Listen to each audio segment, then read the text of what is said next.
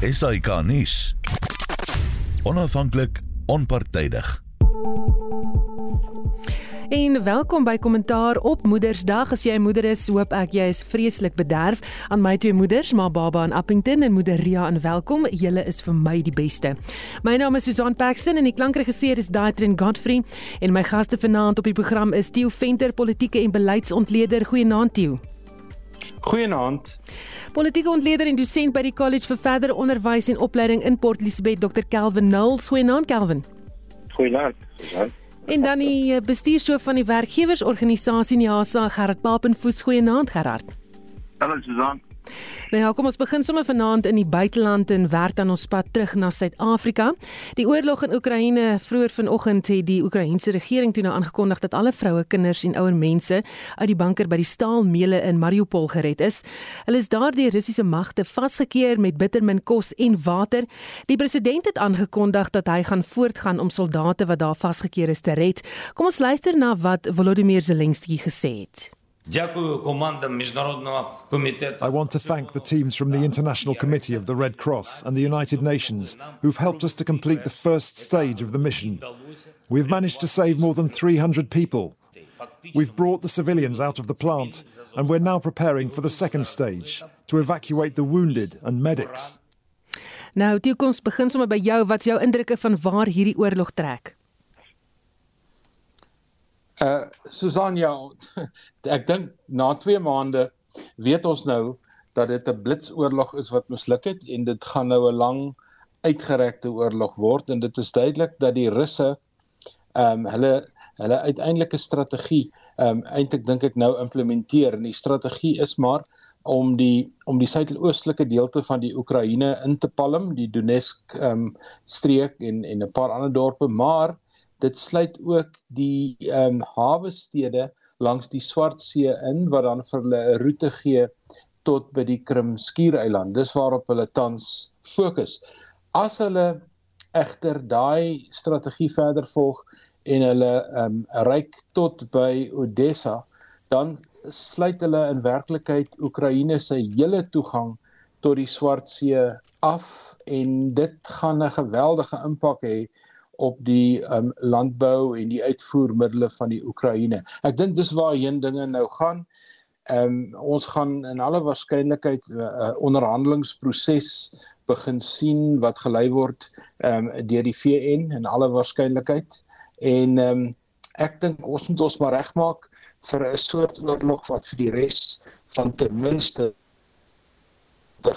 gaan duur en uh, dit is eintlik slegte nuus vir vir vir alle lande in die wêreld en veral as sanksie vermoeienis intree. Die Russe kry reeds swaar onder sanksies, maar mense moet altyd onthou die lande wat sanksies toepas, sy eie ehm um, uh, mense kry ook swaar. Suid-Afrika is 'n voorbeeld, brandstofpryse wat uh, ten hemele geskiet het en en uh, oliepryse en al sulke dinge, maar ehm um, byvoorbeeld in die FSA waar hulle 'n verkiesing moet hou in in November maand hierdie jaar. 'n uh, Brandstofprys is 'n tipiese kwessie wat plaaslike politiek beïnvloed in in die FSA. Ek dink nie die Amerikaners bekommer hulle baie oor presies wat in die Oekraïne aangaan nie. Hulle bekommer hulle oor dag tot dag brood en botter vraagstukke en dit wys jou hierdie oorlog het nie net ehm um, daai streeks geskil tussen Rusland en die Oekraïne nie. Hy het regtig 'n wêreldwye strekking. Hmm. Sien net gou weer hoe lank dink jy gaan hierdie oorlog duur want op daai stadium het jy so 'n bietjie weggebreek.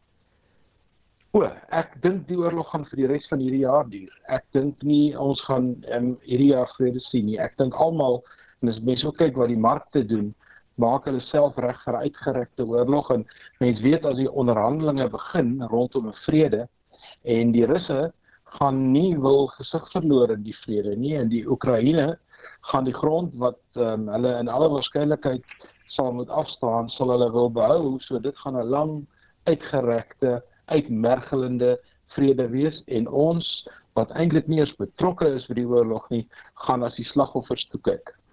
Gerard, jou indrukke van die oorlog en die impak op ekonomie? Ja, ek kan eintlik nie uh uh, ek verskil met niks van Kelly. So nie ek, ek hoor wat hy sê en hy hy is heeltemal reg. Ehm uh, ehm um, ek dink in die in terme van die uitkoms van hierdie ding moet 'n mens jouself die vraag afvra hoekom het dit ooit plaasgevind? Want daarin lê dalk die antwoord van hoe hierdie ding opgelos gaan word.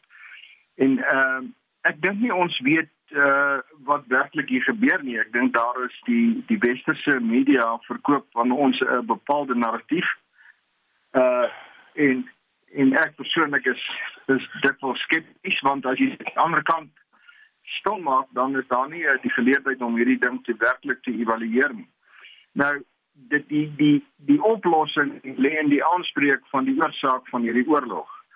Uh en uh, as dit nie aangespreek word nie gaan Putin waarskynlik nie sommer besien nie en en die die, die mate wat hierdie oorlog sy ekonomie raak weet ons ook nie werklik. Ehm um, daar is net een kant van die saak wat ons hoor.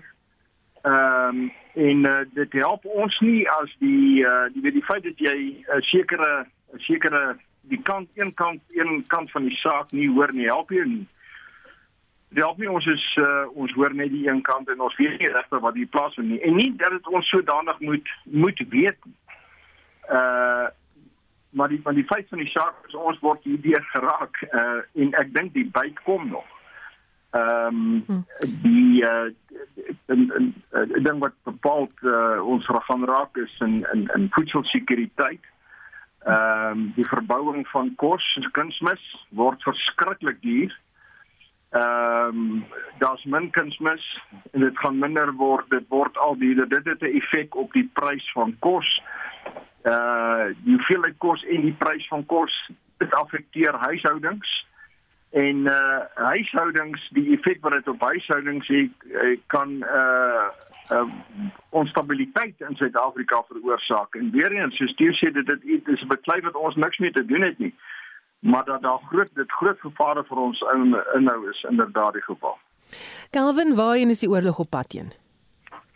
Susan, uh, ek ek nog saamstem met saam saam met die twee vorige sprekers Theo en eh uh, Gerard ehm um, dit resort is besig om 'n aanslag te intensifiseer. Ehm um, 90% van Mariupol is al is al vernietig en wat die Russe nou besig is om te doen is hulle is ook besig om die moraal verder van die van die Oekraïne uh weet toe sê ons vir die mense wat daar bly van kom sy na Oekraïne om dit verder af te breek want hulle is ook besig nou om kultuur historiese bakens aan te val soos ons gehoor het ook in die media dat 'n museum aangeval.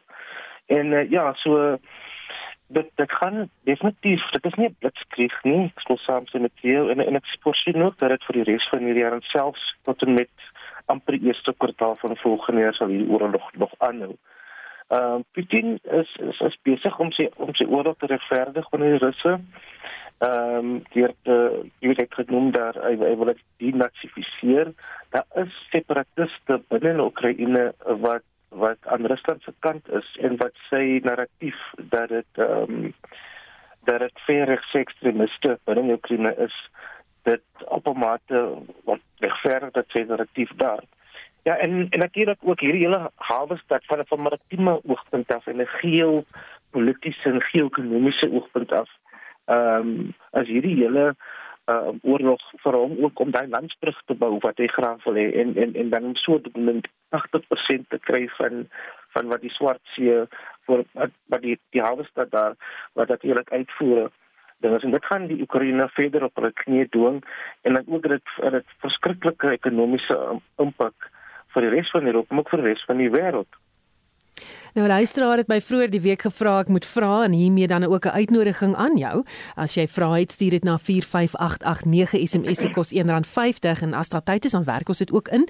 Ehm um, maar die persoon wou weet wat dink uh, julle van die VN se optrede in hierdie hele oorlog en gedurende hierdie tydperk. Haar opinie was dat die oorlog en hoe die VN dit hanteer wys dat dit 'n hond sonder tande is, iets wat herstruktureer moet word of heeltemal toegemaak moet word. Tieu.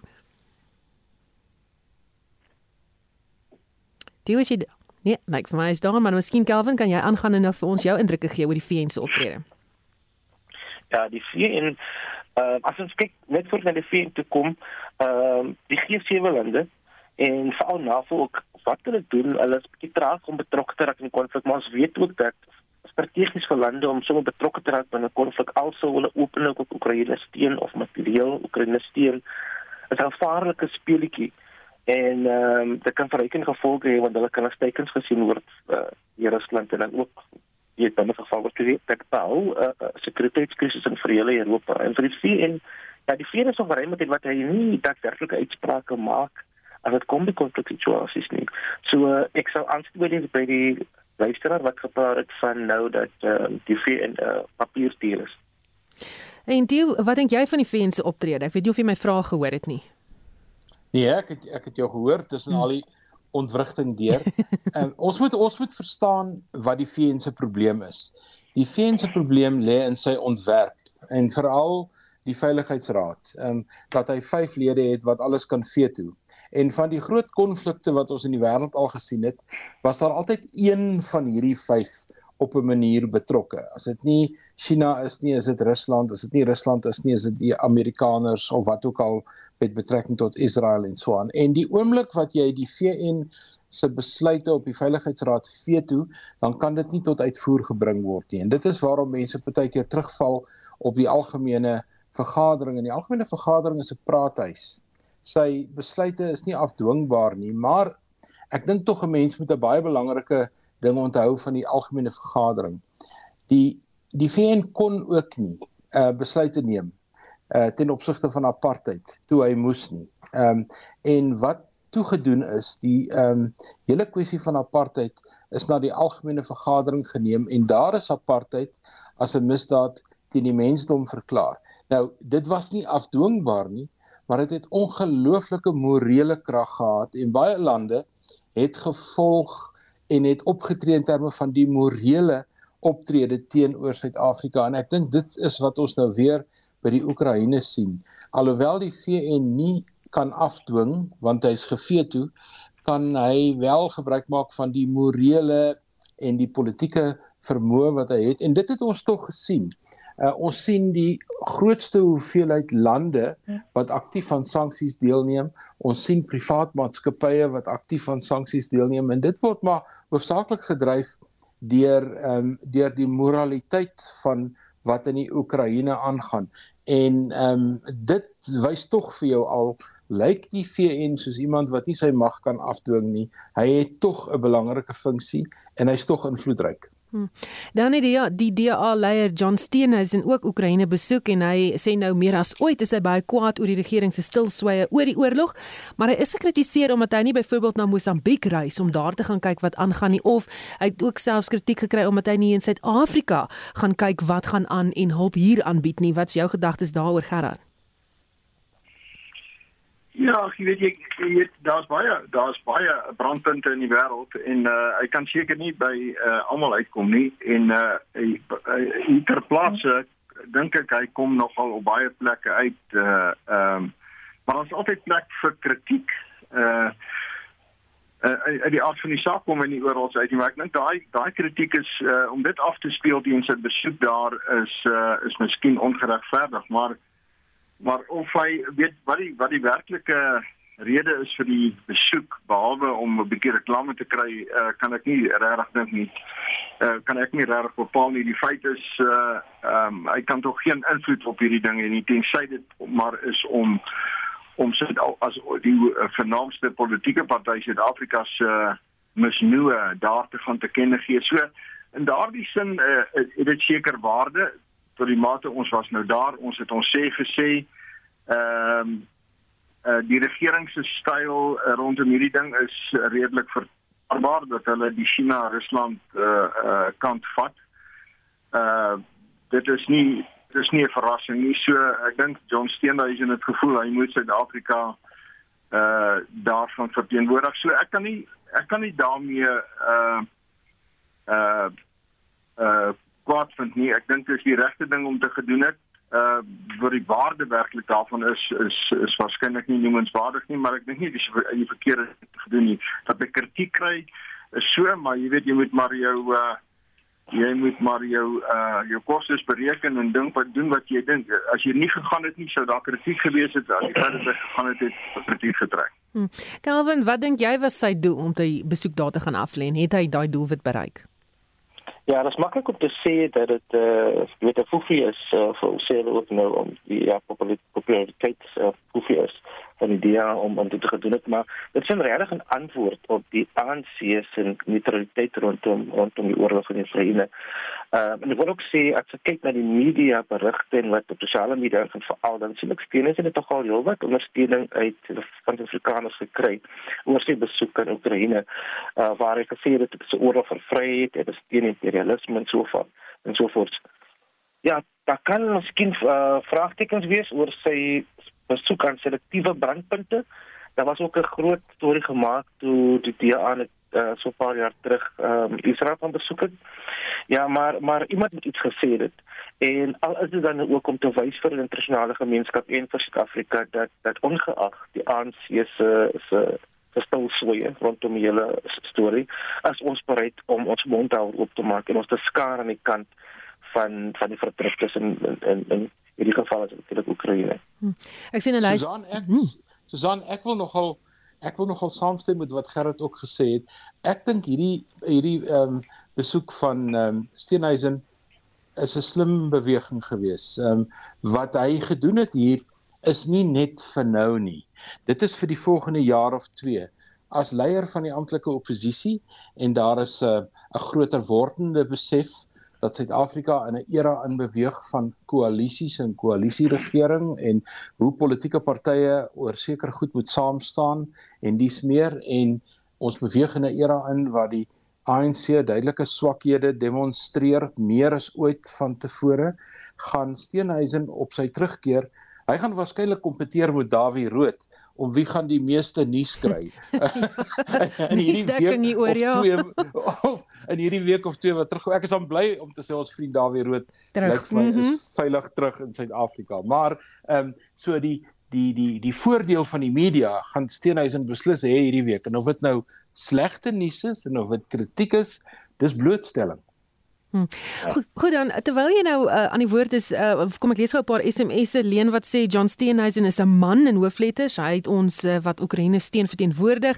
Iemand wat sê ek verstaan nie hoekom mense so negatief reageer op sy besoek nie. Hy gebruik boonop nie belastingbetalers se geld nie. En dan het uh, Rina van Brits gevra um, ek wil graag weet sal dit ooit gebeur dat Putin gestraf kan word vir menseskendings um, of moord? En ek dink jy daaraan geraak toe Ja, ek dink eh, dit is 'n belangrike klag teen hom, maar uh, ek het so as ons nou gepraat het oor die VN as 'n papiertier en al hierdie soort van goed dink ek is onwaarskynlik dat dit ooit met Putin sal gebeur, maar ek uh, ek reken die ehm um, Rusland wanneer ons hierdie konflik nou besleg het en dit is nou uiteindelik klaar het Rusland hulle self baie skade gedoen in die diplomatieke wêreld en in die wêreld waar um, lande uh, in 'n sekere lig gesien word. Vir my is die belangrikste teken dat Rusland homself in 'n sekere sin isoleer is wanneer lande so Swede en Finland ehm um, oorweeg om by NAVO aan te sluit, want dit is lande wat 'n 50 jaar geskiedenis het van neutraliteit of ten minste op 'n afstand beweeg van die konflik of die potensiële konflik in Wes-Europa en as dit gebeur dan is dit duidelik dat Putin het na hierdie oorlog groot probleme internasionaal. Ek dink nie hy het dieselfde probleme binnelands nie want um, ek dink hy het nog baie steun binne in Rusland. Goed, kom ons beweeg na 'n volgende tema en is steeds in die buiteland. Emmanuel Macron is herverkies as president van Frankryk. Hy's gister ingehuldig. Nou dis nie aldag dat 'n Franse president twee termyne dien nie. Kelvin, wat dink jy het hier gebeur? Ja, dit is die eerste keer die eerste Franse president wat in twee dekades her meer verkies word. Uh, maar hy het ook stem ingebod, nee, alhoewel hy nou so so as die oorwinnaar uitgetree het in die stryd uit. Uh sedert 2017 en hierdie jaar se verkiesing het hy 2 miljoen stemmen ingebod teen voor die Pin. Ehm um, ek wil ook net noem dat daar is 'n tendens wat nou kop steek in Europa en in Frankryk ook dat dat die regs is on, onder hulle pin ehm um, stadig maar seker styf of steen vir die regs is of regste politiek dan. Stadig maar seker maar seker ehm um, styf so maar hy het ook hy's verkies want het want het redelik goed gedoen. Uit die uit die COVID-19 pandemie goed hanteer. Is ook sy uitsprake rondom die oorlog in Oekraïne waarvan ons nog gepraat het ook. Maar hy het ook van uitdagings voor en en die een wat sommer om bedraai is is die is Junie se parlementêre verkiesing Hm. Die wat van die setel kwessies wat ons sal moet dophou wat hy gaan doen of beoog om te doen? Wel, ehm um, Frankryk ehm um, ehm um, ervaar dieselfde ekonomiese druk wat die meeste Europese lande ervaar ten opsigte van energie en ehm um, die hele kwessie van die langtermynuitwerking van hierdie ehm um, konflik in die Oekraïne op op Frankryk. Hy was eh, 'n uh, jaar of twee baie ongewild uh, Macron met die met die geel hemde. Julle sal onthou wat die mense eintlik in opstand gekom het teen hom en ook besluite rondom pensioenouderdomme en dies meer. Maar ek dink uiteindelik het um, sy verkiesing 'n vertroue wat die Franse uitgespreek het om binne die Europese Unie te bly en nie om die die Brexit roete te loop wat die wat die Britte geloop het nie. So in daardie opsig kan ek net sien dat Macron se statuur ehm um, waarskynlik gaan groei in sy tweede termyn en baie keer met presidente met 'n tweede termyn ehm um, word sterker omdat hulle weet daar is nie kans op 'n herverkiesing um, in in meeste opsigte nie alhoewel dit nie so in die Franse grondwet staan nie word dit 'n uh, algemene gebruik. Ehm um, en uh, mense moet maar kyk. Ehm um, ons het nou gehoor dat daar ook uh, parlementêre verkiesings kom en dit mag dalk 'n ander prentjie skets oor wat in Frankryk aan die gang is. Ehm eerder as die presidentsverkiesing wat ons weet uh die president word direk verkies in in verkiesings. Die die Franse verkiesing van die nasionale vergadering soos hulle dit noem is 'n proporsionele verkiesing en dit gee gewoonlik 'n ander prent van wat in die land aangaan. Gaan dit ehm um, hy betoog lankal reeds dat die aftree ouderdom in die land verhoog moet word. Dink jy dis 'n goeie idee en wat kan ons nog leer uit hulle eh, byvoorbeeld arbeidssektor?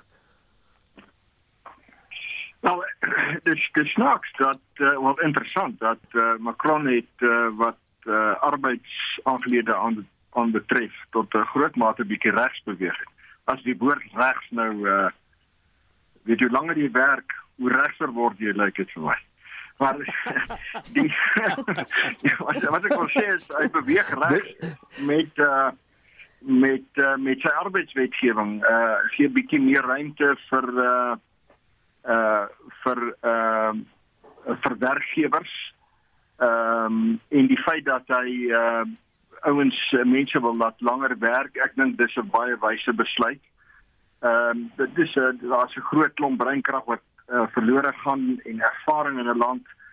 Ek weet die Hollanders uh het 'n reëling daar dat as jy aftree dan uh, moet jy jou uh, kundigheid aanhou aanwend as 'n mentor en Macron wat hy net sê jy moet maar net so 'n bietjie langer werk. So dit is 'n uh, dis 'n dis 'n goeie ding. Um, ek hoor wat Theo sê maar so wat hy gaan doen in die in die in die in die periode wat nou volg gaan afhang van die parlementêre verkiesings wat uh, nou gaan ja, plaasvind. Ja. En uh, tot 'n mate kan dit uh, kan hy bietjie anders te regeer of hy gaan dit gaan baie dieselfde wees van wat in die vorige 4 jaar plaasgevind het en dit gaan bepaal word in die volgende maand. Dio jy lag lekker oor daai stelling dat hoe langer jy werk, hoe regser gaan jy. Ja, want uh, kyk ek het onlangs uitgetree en uh, op die op my uittreë ouderdom het ek exactly alles geweet. Ehm um, en en dan dan vir dan bereik jy so half 'n verpligte senioriteitsouderdom. En ehm um, ek ek ek dink nie veral in die staatsdiens en veral in sekere plekke waar wanneer iemand uittreë dan verloor jy die institusionele geheue wat saam met hierdie persoon gaan en mense is deesdae op aftree ouderdom nog baie gesond hulle kan maklik nog 3 4 5 jaar aanhou. Ehm um, maar dit is nou maar 'n besluit wat mense self moet neem. Mm, wel iets wat ons ja. vanaf weet nie nê. Nee. ja, Susan. ja. Susan. Ja, jy kan maar gaan. Ja, nee, ek wil net byvoeg uh 'n tweede termyn soos ons kan sien seker later uh, oor Ramaphosa se aspirasies op praat wat later hierdie gaan gebeur maar in Frankryk met Macron se tweede termyn ehm uh, hy is nou basies besig of het nou basies sy steun gekonsolideer en hy is op 'n rekord na die verkiesing dat hy gesê het hy gaan anders ander besluite nou begin neem. So hy gaan 'n bietjie meer braaf wees want hy weet nou hy ja. die ondersteuning wat hy miskien voorheen nie gehad sou gehad onder sekere uh, lede van sy party nie. Hy gaan 'n bietjie meer braaf wees sê en hy gaan op president is vir hele Frankryk. So die tweede termyn definitief gee vir hom gee vir hom daai ehm um, oortuiging of confidence. Ja. So, Dan president Cyril Ramaphosa het ook Macron geluk gewens. Hulle het op die telefoon met mekaar gepraat en Macron het ook Ramaphosa se oproepe dat internasionale kopers van enstof vir COVID-19 van Afrika af moet bestel word ondersteun. Ehm um, gaan dit belangrik was hierdie, jy weet, uh, ondersteuning wat hy dan nou gegee het aan hierdie plan van Ramaphosa.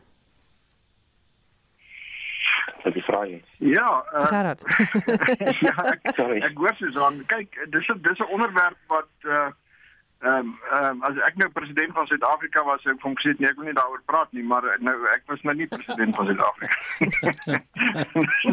dis nou die jy lag daar nie agtergrond. Ek weet hoekom. Dit maar Ja, dit ek, ek, nee, ek wil nie daaroor praat nie. Ja, nee, ek ek eh, ek ek, ek dink dit is goeie ehm uh goeie as dit, as dit so is dan is dit uh, goeie nuus vir Ramaphosa want hy kan nie die goed hier verkoop nie. So uh, ek hoor hy moet hier in Afrika aangaan om kopers te kry vir sy vir sy vir sy instof vir 'n uh, instof uh, fabriek.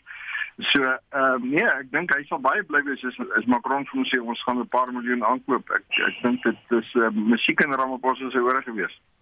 Galvin, wat sou Macron en Ramaphosa nog vir mekaar gesê het byvoorbeeld oor Oekraïne?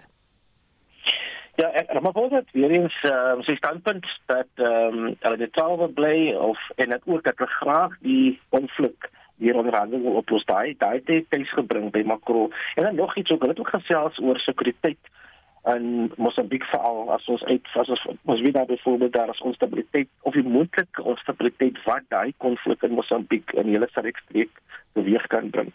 So word daaroor gesels.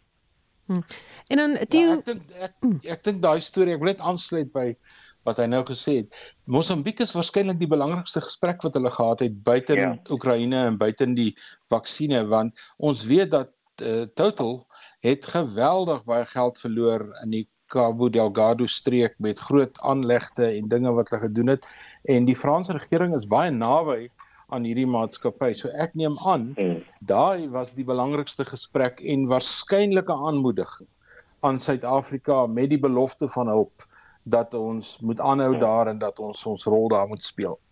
Uh, ons gaan nou na Nisie op eie bodem en ek sien dat die ANC se 9de provinsiale kongres in die Oos-Kaap pas verleng is. Dit is na aanleiding van 'n vertragings met die registrasieproses.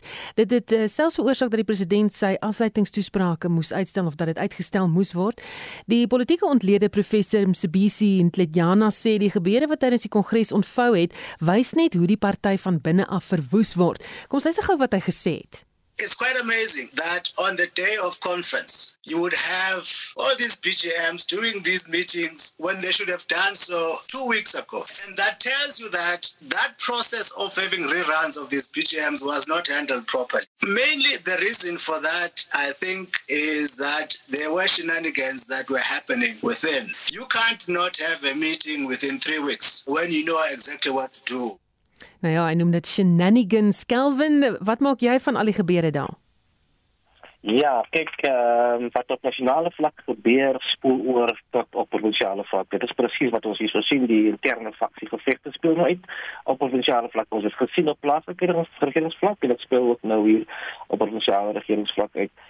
So wat op die oomblik gebeur, ons het ons aanvanklik drie kampe gehad of sluits. Ek weet nie 'n kamp by die Afrikaans versluit nie. Maar ons het gister gesien dat heel strategies het uh, die kamp van uh, Mlilo Mkubishiane het hom aangesluit daar by Babalo Marikazela se kamp.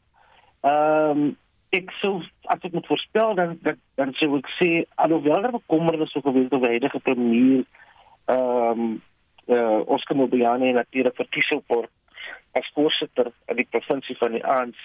Daar was aanvanklik 'n bietjie vraagtekens daar, o, hy was miskien self 'n bietjie bekommerd, maar ek dink hy is hy, is 'n bietjie beter of stewiger in saak ongeag of ehm um, Moshane nou sê sê sê gewig in so voet nie kan vir Matsela, maar ek dink ek dink daar was ook hierdie hierdie geveg het oorgespoel na of ons sekere streke gaan toelaat en en veral twee streke ja van die oppositie die wat nie van Mobiane weet teenstand wat die die dokter Weber uh, van Bosane en die Krisani streek waar as waar skerp een is vir die premier en daar's ook daar was ook manifestations ehm um, wat wat net gebeur later in die jaar.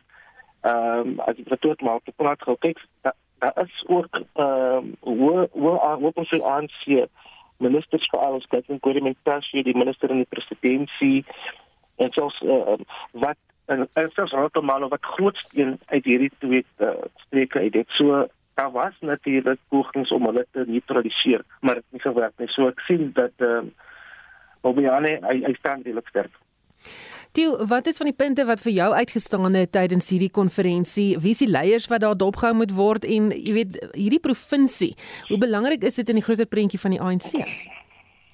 Hierdie provinsie is belangrik. Dis een van die drie grootste provinsies in terme van afgevaardigdes wat uiteindelik na 'n verkiesingskonferensie toe moet gaan in Desember en hierdie konferensie demonstreer net weer eens wat ons in elke ander provinsie op die oomblik sien dat dit amper onmoontlik is om 'n konferensie te reël met al die administratiewe rompslomp en ehm um, soos jy net nou gesê het shenanigans is 'n baie sagte woord daarvoor maar korrupsie in terme van takvorming en ehm um, die die die manier hoe leiers aangewys word. Ons sien nou hier twee manne wat te mekaar staan Oscar Mabuyane en Madikizela ehm um, Mabuyane sal in alle waarskynlikheid wen maar wat Madikizela nou doen en sy mense hulle sing en hulle hulle hulle gaan te kere en nou kan die um, konferensie nie werklik vorder nie en en en uiteindelik is die vraag wat hier gaan ontstaan wie gaan die langste uithou? Want as dit nou te lank aangaan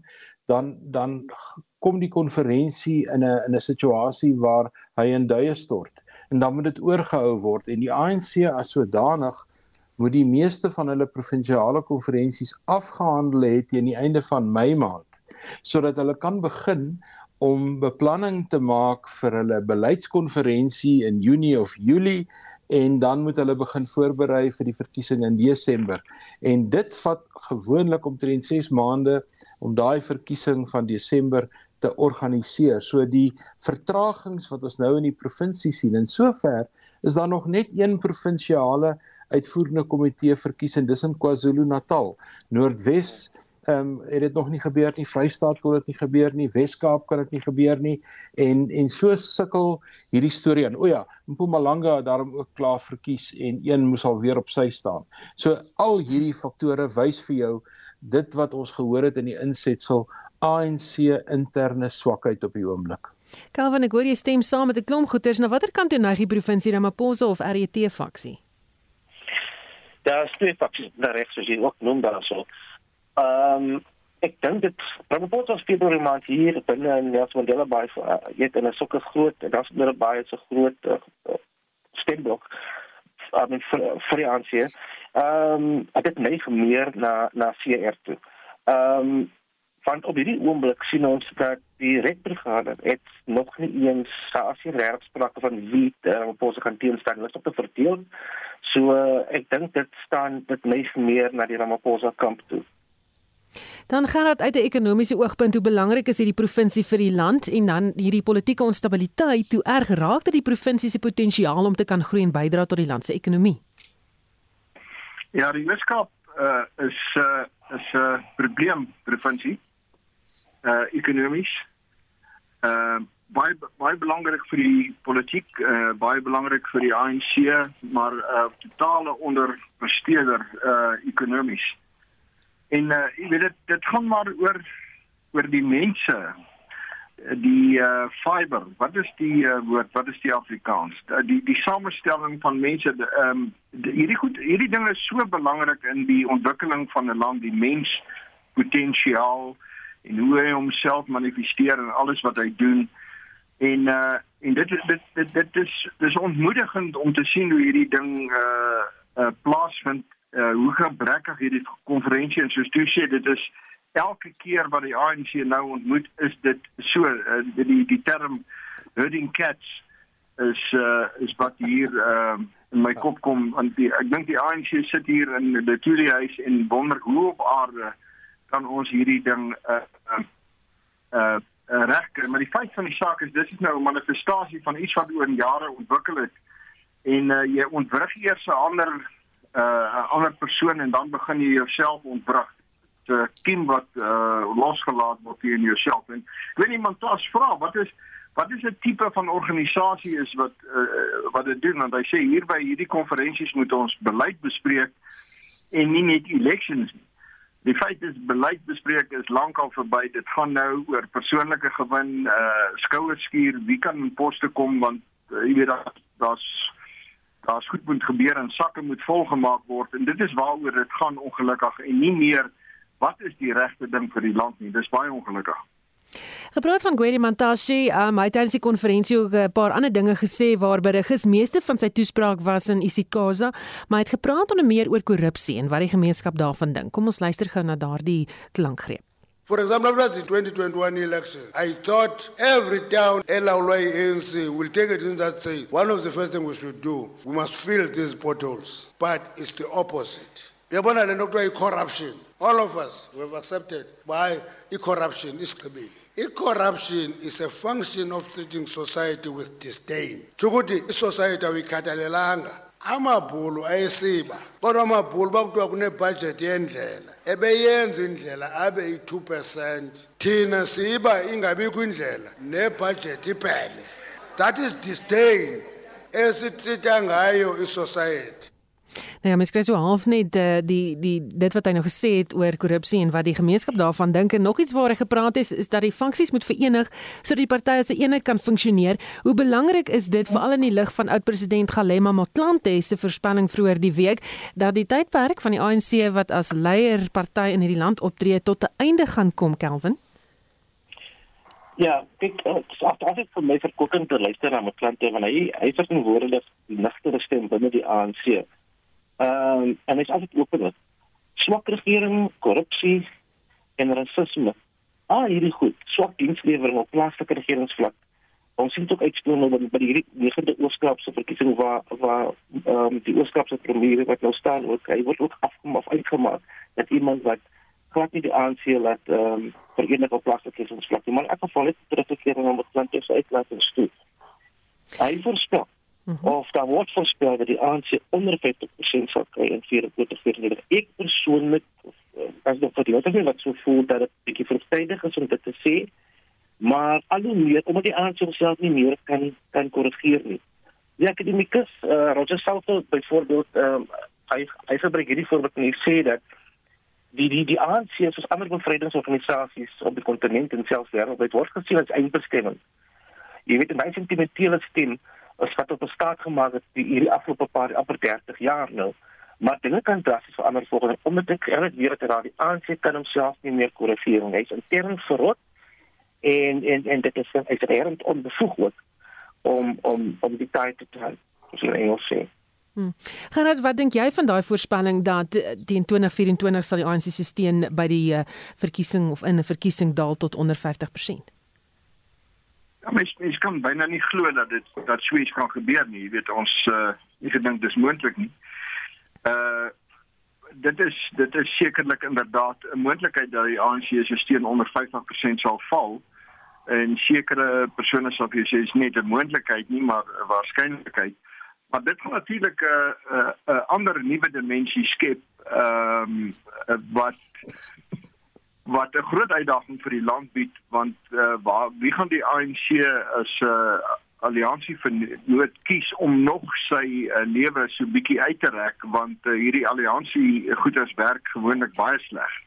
En dit versnel tot 'n mate 'n party se se se einde. So, maar wie ook al as dit gebeur is is ons in die fase van alliansiepolitiek en uh en in sekere areas kan dit die land on, eh, kan die land onregeerbaar word. Uh ehm um, so wat sê ek nou eintlik? Uh, wil ek hê dit moet gebeur of nie gebeur nie? Die punt is net dit gaan uh, ons uh, waarskynlik voor enorme uitdagings plaas as dit gebeur. Uh want die ANC kan kan natuurlik as as hulle nie 'n uh, groot rolspeler is in die post uh 2024 periode uh, geweldige die die stabiliserende rol speel. Maar dit is 'n groot uitdaging wat vir ons wag as dit gebeur. Uh uh, die ANC het baie swakhede wel uh, dit is 'n understatement om om te sê dit baie swakhede maar ten minste weet ons uh waarmee ons te doen het. Uh, onder 50% is 'n nuwe fase en dis iets wat ons waarskynlik moet moet ingaan maar dit gaan 'n groot uitdaging wees. Theo, hoeveel tyd het die ANC nog oor as regerende party dink jy? Ja, ek staan ook 'n bietjie skepties of 2024 ehm um, die situasie is. En dan wil ek 'n tweede ding sê en dit is ons moet onthou dat baie van Suid-Afrikaners wat dink oor verkiesings, dink nog in hulle agterkop oor die ou bedeling en first past the post. 'n 50% is nie noodsaaklik in 'n proporsionele verkiesing nie. In Europa kry jy dit nooit. Dit is 'n buitengewone ehm um, steun om te kry. Maar ehm um, soos Gerard tereg gesê het, dit is koalisiepolitiek is moeilik en as jy ehm uh, die 50% nie maak nie, moet sê net maar 3 of 4% en jy moet soek vir klein partytjies, dan kom jy uh, partykeer met ehm um, met swak ehm um, met swak vennote saam.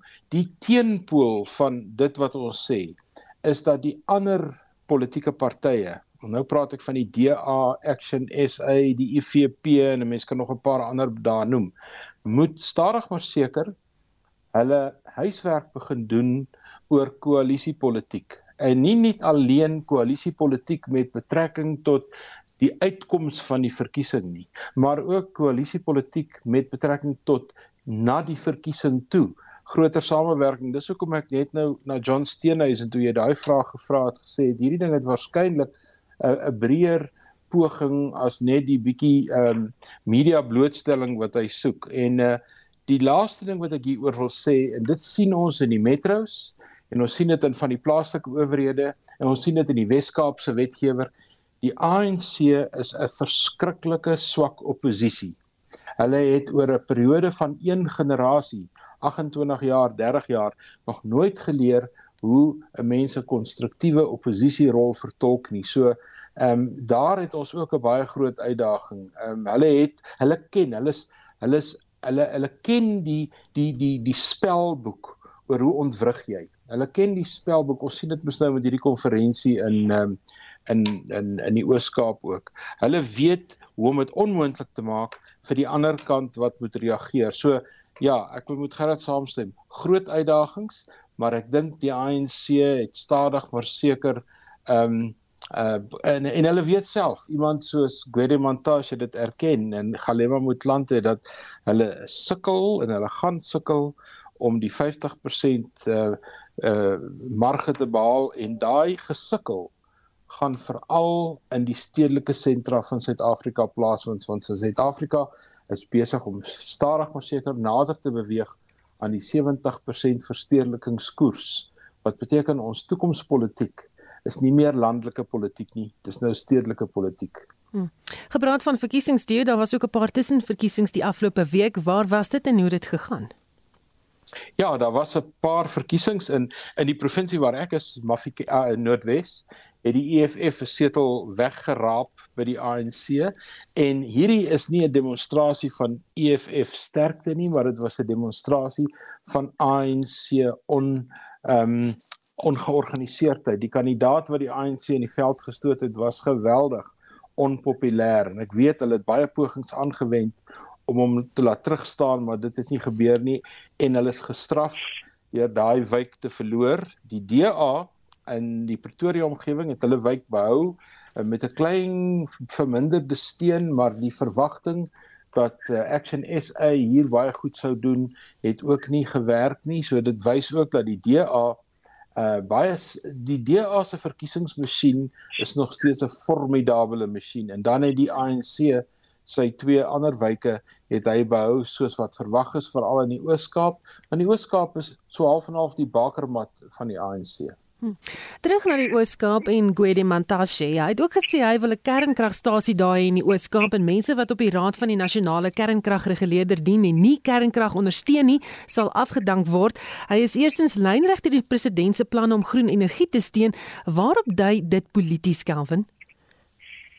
Ja, so ek dink dit dat polities dui dit op op daai uitsprake wat gemaak word. Ons het gesien byvoorbeeld met ehm uh, president dat meneer Zuma wat wat een ding so sê en die president ander ding. So dis net om te kyk ook weer eens oor verdeling binne in die ANC. En en dit is nogal dit is nogal baie snaaks dat dit met sulke uh, groot ehm um, projekte wat ons sulke dubbelsinnige uitsprake so het. Dis net moet hulle stel dat men dit so sê byvoorbeeld. Gerard, hoe realisties is dit om weg te doen met steenkool en selfs kernkragplanne en net hernubare energie te steun as ons tans kyk na Eskom en sy gebrek aan kragverskaffing? Wel, ek ek ek, ek wil nie sê baie dinge. Ehm uh, dan is dit kernkrag en maar ek sê ook jy kan nie sommer van steenkool af weg beweeg nie. Ehm um, en in uh, in my domheid uh, is ek nogal simpatiek uh, daaroor. Ek is net uh, ek wil net nie hierdie ouens met te vinnig beweeg na ander uh uh forme van kragopwekking nie want hier gaan groot geld gedien word.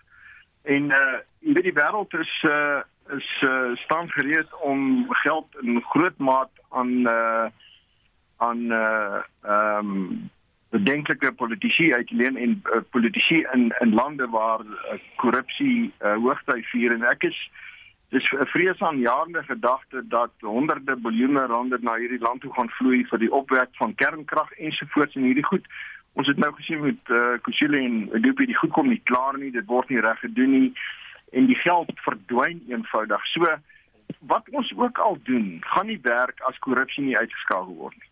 Uh, dit is die eerste ding. Nou ehm um, gelukkig het ons nou leierskap in uh in in in die heel voorste vlak in Eskom wat regtig uh eerlik is en nie wil korrupsie uh toelaat nie. En dit is hoekom jy weet ek weet nie praat van hierdie car powership projek en uh waarom teken julle nie vir daai veranderde die reker en ander sê gee net vir ons die uh dat jy papierwerk kry dat ons dit verstaan en dat dit suiwer is.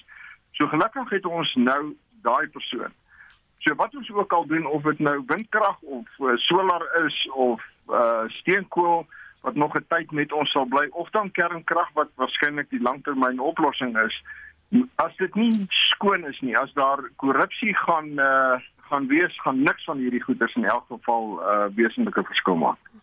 Mantashe het ook Bosisiwe Mavusa gekritiseer omdat sy die ANC gekritiseer het tydens die skoorvergadering oor Eskom. Hy het gesê sy kan nie maak asof sy geen verantwoordelikheid dra vir die probleme by Eskom nie, maar sy kry die salaris omdat sy die vergaderings bywoon nie.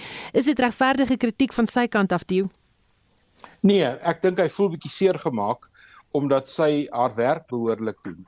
Ehm um, as 'n mens nou na Zondo kommissie geluister het waar hy waar hy die wetgewers kwaliek geneem het.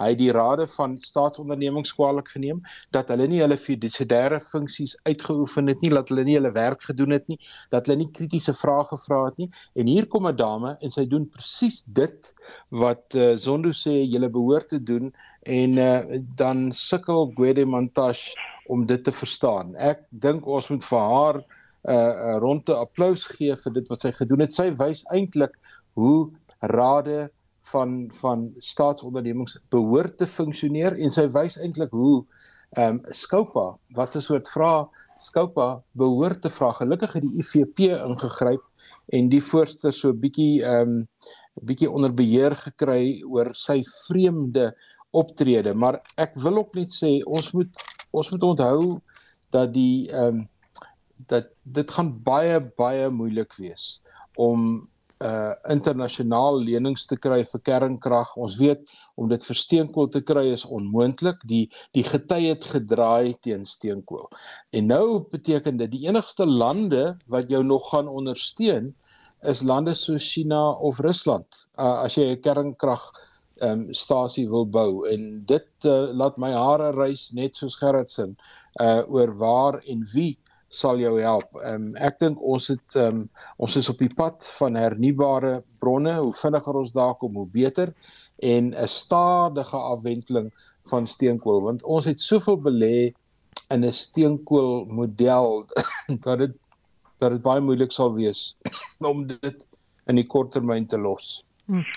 Goed, nou eers nou weer 'n ander tema, iets wat uh, vroeër die week gebeur het op Werkersdag. Ehm um, dit is toe president Cyril Ramaphosa van die verhoog in Rustenburg gejaag is tydens Werkersdag vieringe deur die werkers. Dit was duidelik hulle is nie tevrede met die salarisonderhandelinge nie en ook nie met die ANC en met hom nie. Hy het daarna gesê hy is genooi om te praat, maar kon nie, maar hy neem ook nie die werkers kwaliek nie. Hy het dit in sy weeklikse brief geskryf. Ehm um, Calvin, was dit 'n goeie idee om in Rustenburg te gaan praat in die eerste plek na aanleiding van die Marikana skietery? Nee, ek dink ek dink dit was 'n fout. Dit was 'n fout van die ANC of of van Mposa om te dink. Ek gaan kyk hy is kapitein van geword en is dit nog lank van die Amerikaanse slag slagting so 'n paar jaar gelede.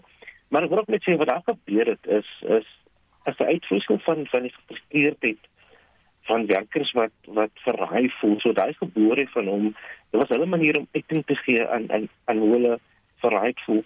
Hulle voel ook dat hulle word soos in Engels sê die scapegoats gemaak van van die land se probleme veral as dit kom by hulle die COVID-19 en wat daai kritiese regering het ook 'n grondwetlike hof toe gaan op gegaan sê dat dit ons kan nie verhogings vir staatswerkers in daar sou wen.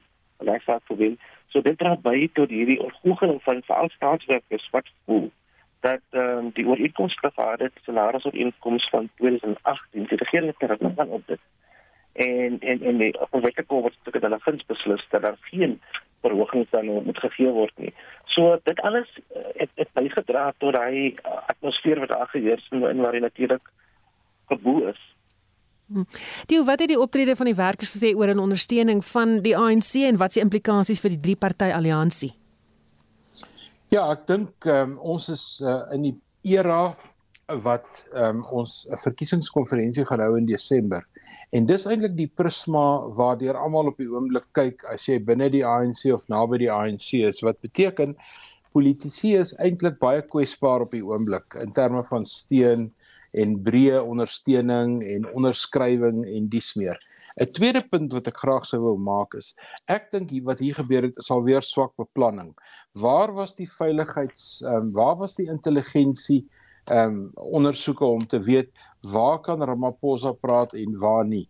Waar is die beplanning? Hoe lyk die veiligheidssituasie en dies meer? Ek ek dink net hy het soos 'n hy het soos 'n soos 'n Simpson van ouds in die leeuhok ingestap sonder om te weet wat vir hom wag en hy kon eintlik nie veel anders sê nie en en Gerard sou nou beter weet as ons maar om betrokke te raak by 'n onderhandelingsproses tussen werkgewer en vakbond is nie 'n man se maat nie jy moet weet waarmee jy besig is om nou 'n politikus soos Gwede in te stuur om nou half as fasiliteerder tussen die vakbonde en werkgewers te gaan praat. Ek dink nie dit is 'n dis 'n slim dis 'n slim ehm, 'n um, manier nie al was. Gwede Montash vroeër ehm um, die voor of die die sekretaris-generaal van van Kusatu of Num en toevallig uh, was ehm um, uh, Cyril Ramaphosa ook 'n uh, paar jaar gelede hier in in die in die in die periode voor 94. So dit wys jou hoe die wiel gedraai het van iemand wat 'n vakbondman was tot 'n iemand wat 'n politikus geword het en wat met hom in die openbaar gebeur. So die openbare voor die openbare ehm um, gebeure was negatief negatief vir Ramaphosa, maar ek dink nie hierdie het blywende skade gedoen nie. Gerard, wat maak jy van hierdie gebeure, alles wat ons daar gesien het?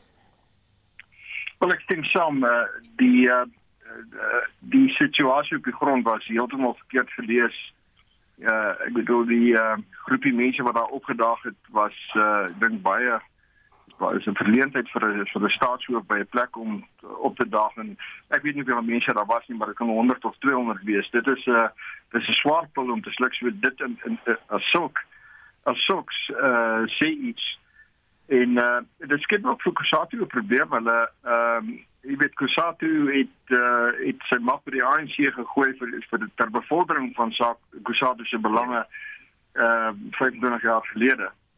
Uh nou nou Kusatu die die uh die gevaar dat die ANC vir hom 'n verleentheid word. Ek dink hulle wonder of hulle die president weer na 'n plek toe moet moet nooi. Want die, uh, hierso is 'n Londen situasie maar daar's ook 'n staatsdiens uh onderhandelinge situasie. Nou die ouens is uh jy weet daar's verwagtinge oor jare uh gestel en uh, ons het in 'n gety in beweeg waar ouens nie hard werk om bo uit te kom nie. Jy jy onderhandel jou na die top toe. Jy werk jouself nie na die top toe nie. En nou is daai daai verwagting is nou uh is nou skade aan gedoen. Daar is nie meer geld En uh so dit uh, ons beweeg nou vir die ANC in 'n gevaarlike terrein en waar sy ondersteuningsbasis raak nou kwaad vir hom. Want uh ehm um, as jy kyk na die staatsdiens onderhandelinge en ekskuus Susan, ek praat net sommer daaroor uh as jy praat hmm. staatsdiens onderhandelinge dan uh daar is net nie meer geld nie. Die die staatsdiens is te groot, uh, ver te groot. Uh ehm um, ons betaal omtrent al ons geld uit net om aan die aan die werk te hou of die uh, salarisse te betaal maar ons kry nie 'n teenprestasie in terme van produktiwiteit nie. So die publiek is baie baie moeg vir die situasie. Die publiek het nie simpatie nie. Die jury uh sit met die realiteit dat uh, die regering kan maar onderhandel maar die, die jury moet afteken. So die regering sit met knyp Uh hulle moet vir werkers byvoorbeeld sê dit maak nie saak waarmee ons uh, met julle ooreenkom nie. Maar as die jury nie afteken nie, gaan julle dit nie kry nie. En dis 'n penarie waarna hulle sit. En maar is 'n dankbare uh, ons is dankbaar as publiek dat die jury ten minste hier die wag ont uh, die wag onthou, wag hou oor hierdie situasie want hierdie ding het reeds weggehardloop. Ons en hoe gaan ons dit omdraai? So 'n groot probleem vir die regering, groot potensiële verdeeldheid en ek dink 'n bietjie van 'n nagmerrie. Hmm. Calvin, dalk die laaste woord aan jou want ons tyd hardloop nou vinnig uit, maar wat dink jy is die toekoms van vakbonde in die land? Dis 'n baie goeie vraag. Ek wil net byvoeg dat uh, die vakbonde kyk die die die die die konservatiewe federasie wat die meeste van die vakbonde in die land verteenwoordig, maar natuurlik in die in die tripartite alliance is met die ANC en SAKP. Dit is 'n baie moeilike posisie. Ehm uh, ek het al gevoel op 'n stadium dat die rol van die SKP is obsolet, soos hulle in Engels sê. Hulle is nou nie meer nodig werklik nie. Hulle word in elk geval gekoopteer binne die regering en dan maak dit van hulle van jy weet, hulle is dan nie meer die groot kommuniste wat hulle wat hulle voorgeen te wees nie. Maar maar ek sou dink dat die konservatief sou gelukkig voel uh, omdat hulle 'n gewig in agter sy rond gegooi het die president gegooi het in 2017 maar dit gaan bly by gemor uh, ek glo dit gaan selfs verrekende gevolge hê vir vir sy presidentskap of weer verkies te word uh, tydens van hierdie jaar nie maar teenoor van die vakbonde dis is moeilik om te sê want want hulle is nog ongroot ongroot vakbonde onder Kusatu is nog steeds en sal altyd nog steeds aan die kant van die ANC bly. So wat die ANC ook, jy weet, sê en doen, hulle gaan môre en por, maar hulle sal tog weer gewagte agtergroei. Ja, en natuurlik daar is natuurlik ander vakbonde wat wat nie te genees met met met wat die stand van sake nie. So maar dit is moeilik om te sê wat regtig moet gebeur met met met vakbonde in die land. Theo, jy het nog so 30 sekondes. Wat dink jy is die toekoms van vakbonde? Nee, die vakbonde is belangrik. Hulle is baie belangrik, maar ek dink stadig maar seker is die ehm um, is die politieke rol wat hulle speel raak uitgedien. Ehm um, ons weet nou Kusatu het eintlik in die helfte geskeur en vandag ehm um, is Kusatu eintlik 'n vakbond wat hoofsaaklik ehm um, die openbare sektor verteenwoordig en NUMSA is die vakbond wat meer in die privaat sektor is. So ek dink dit is 'n hele nuwe bedeling, maar vakbonde behoort eintlik dink ek beter vakbonde te word en minder polities. Baie dankie. Dit was dan kommentaar vanaand. My gaste was Theo Venter, politieke en beleidsontleder, politieke ontleder en dosent by die College vir Verdere Onderwys en Opleiding in Port Elizabeth, Dr. Calvin Knowles, en die bestuurshoof van die werkgewersorganisasie NIASA, Gerard Papenfoos. Dankie dat jy saamgeluister het en saamgesels het. Ons maak volgende Sondag aand weer so.